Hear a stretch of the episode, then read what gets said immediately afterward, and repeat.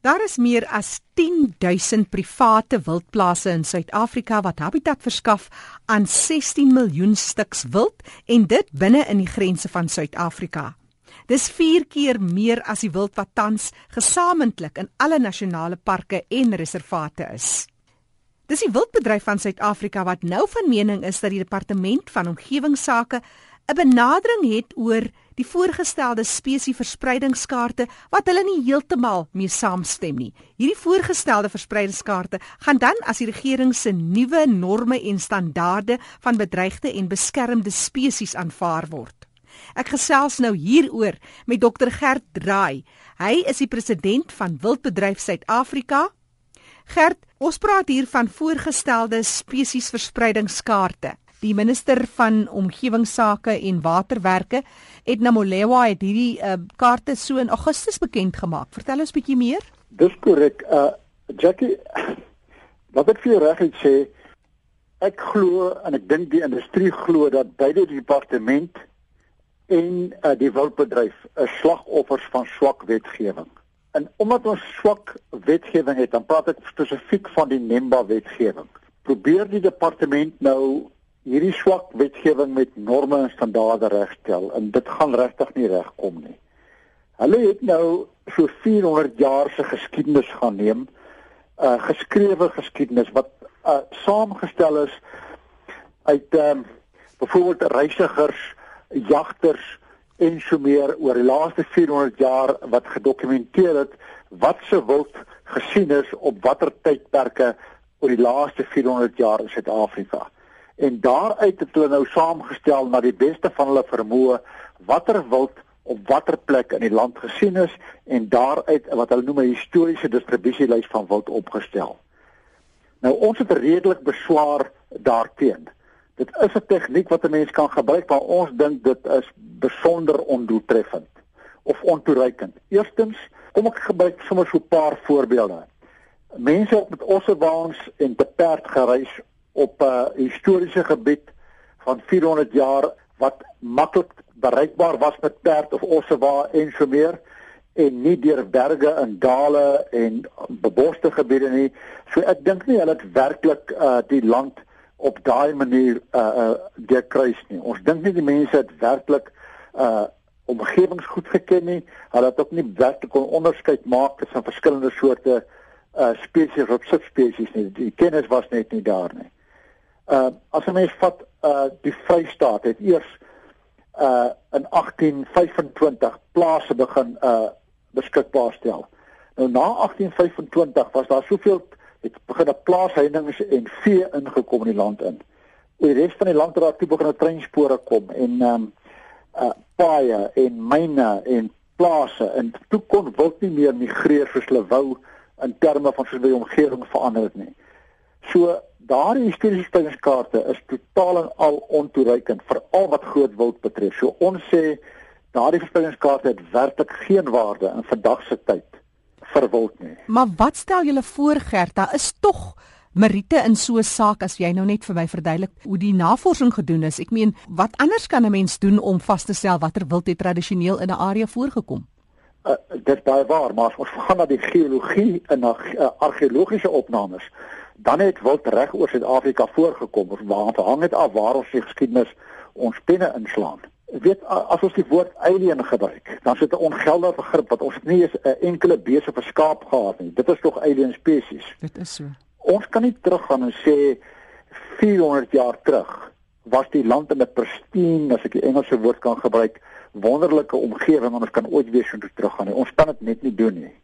So wat stel julle as jagters voor? Wat sê die wildbedryf? Hoe moet dit benader word? Ons dink die regering het uh in omgewingsake die begrip baie mooi vasgevat van 'n groen ekonomie. Ons dink hulle het uh uh besef dat die die konvensionele begrip van bewaring ten alle koste gaan nooit werk nie. Dit het nooit gewerk. Jy kan nie deur middel van wetgewing getalle van wild vermeerder nie uh wild waar jy deur wetgewing probeer uh dit vermeerder het, het, het uitgesterf. As hy nie 'n waarde het nie, het hy uitgesterf, Jackie. Uh kyk maar wat ons het die renosters beginne uh, in die handel beskikbaar stel en hulle getalle het vermeerder. Ons het swart uh blouwille beeste het ons amper nou uitgesterf omdat ons weer wetgewing wou bewaar dieselfde met die bontebok. Nou as hulle weer begine in die handel beskikbaar stel het, nou beginne hulle getalle weer duidelik toeneem en en hulle pryse het opgegaan. Uh ek wil vir jou sê as ons nie met jagluipers dieselfde begine doen nie, dan gaan hulle getalle eenvoudig al hoe minder en minder word. En, en later want hulle het geen waarde nie. Hmm. So dit is maar die realiteit van die lewe waar waar jy van waarde gee en ons het in in, in Suid-Afrika 'n wonderlike model in terme van wild. Ons het 16 miljoen stukke wild in die privaat sektor. Uh Kenia het uh in 19 uh, in 1970 net soveel wild soos ons gehad. Uh indien nie meer nie, en tans het hulle 80% minder as gevolg van hulle uh het geen waarde toegevoeg tot tot tot wild as wild se waarde nie, nie nie privaat besit toegelaat nie. So wat ek glo en ek dink die wildbedryf glo ons regering het, het die regte punt gedoen om te sê kom ons aanvaar 'n groen ekonomie wat sê ons moet volhoubare benutting hê en dan as jy volhoubare benutting het behoorlik gereguleer deur die regering dan sal bewaring die uitkoms wees en dan sal ons aan die ander kant van die muntstuk werklike bewaring hê maar jy moet die Engelse baie mooi begrip wat sê jy moet environmental justice hê ons het 'n platland ons het gemeenskappe wat uh, moet gebruik kan maak van alle volhoubare benutting van alle omgewingsbronne. Uh, nou onmiddellik gerd dink ek aan die hele kwessie van jagters is van die grootste bewaarders. Dit is bewys dat juis met hoe hulle dinge gaan reguleer en so meer afgelope week in die nuus gesien hoe dat 'n uh, jagter byvoorbeeld geskort is uit die organisasie as gevolg van swak praktyke. So jagters is inderdaad ook bewaarders. Maar ja. as 'n mens nou dit sê, hoe gaan julle hierdie tipe voorgestelde spesie verspreidingskaarte wat die regering nou as 'n norme en standaarde wil soort van vestig, hoe gaan julle dit betwis en wat gaan die volgende stap wees? Gaan julle julle kundigheid na die tafel neem? Ja, kyk, ons het nou weer uh, 'n vergadering met met met die senior amptenare in die departement om weer met hulle om 'n tafel te sit en weer met hulle te praat. Erns weet ek nie wat die oplossing gewees nie. Ons moet 'n oplossing kry in terme van die wetgewing om hierdie wetgewing uh die, die leemtes daarin reg te skryf om seker te maak dat die rolle van die staat en die privaat sektor reg gehanteer kan word aan.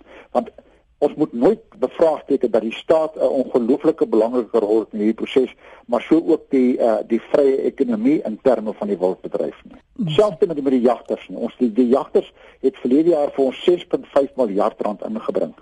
En hulle is eenvoudig 'n baie baie groot komponent van die sukses van bewaring. Maar Gert, is dit nie ook maar dat 'n paar, jy weet, privaat wild eienaars, daar's 'n uitgesoekte groepie van ja. hierdie mense wat nou die voorreg het om dit te hê.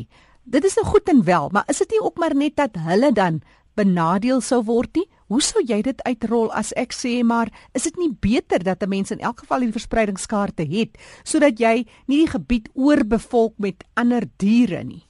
Uh, kom op vir jou so sê.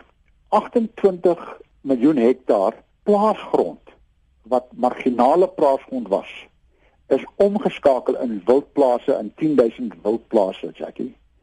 Hierdie grond was nooit omgewingsgrond nie. Dit was nooit weggeneem by die departement wat bewaringsgrond nie. Hulle is omskep van 'n marginale grond, 'n landbougrond wat nie winsgewend was nie. Is hulle omskep in goeie kan ek dit noem biodiversiteitsgrond. Die wild het nie gekom van parke af nie, die wild het gekom van die privaat bedryf af. Slegs ek sou sê dis nie eers 3% van alle wildboere is in daardie kategorieë van die hoë spesiewaardes nie. Die ander is normale wildboere wat op die jagbedryf met wat ons sommer in die praktyk noem plains games funksioneer. Ons wil nou omdat die jagbedryf om éventueel gaan satureer in terme van wat hy kan inbring om ons inkomste te, te verseker, moet ons nou begin met met vleis wildvleisproduksie. Ons wil die binnelandse produk groei met 20% vir die per jaar en ons wil die buitelandse uitvoer van wildvleis groei met 7% per jaar. Ons moet eenvoudig want ons voer op die oomblik rooi vleis in Suid-Afrika vir 4 miljard rand. Gewone beesvleis vir 4 miljard rand per jaar. Ons wil dit probeer as 'n nuusmark bevredig met met met wildvleis. Hy is eenvoudig gesonder en dit is ons eie produk. Ons het nog nie regtig die die ehm um, die wild in Suid-Afrika benut nie. Hy is 'n beter bron om te benut in ons land. Ons het nie 80% van ons land se se grond is nie werklik geskik as werklik goeie landbougrond as ons ons vergelyk met die wêreldgemiddelde nie.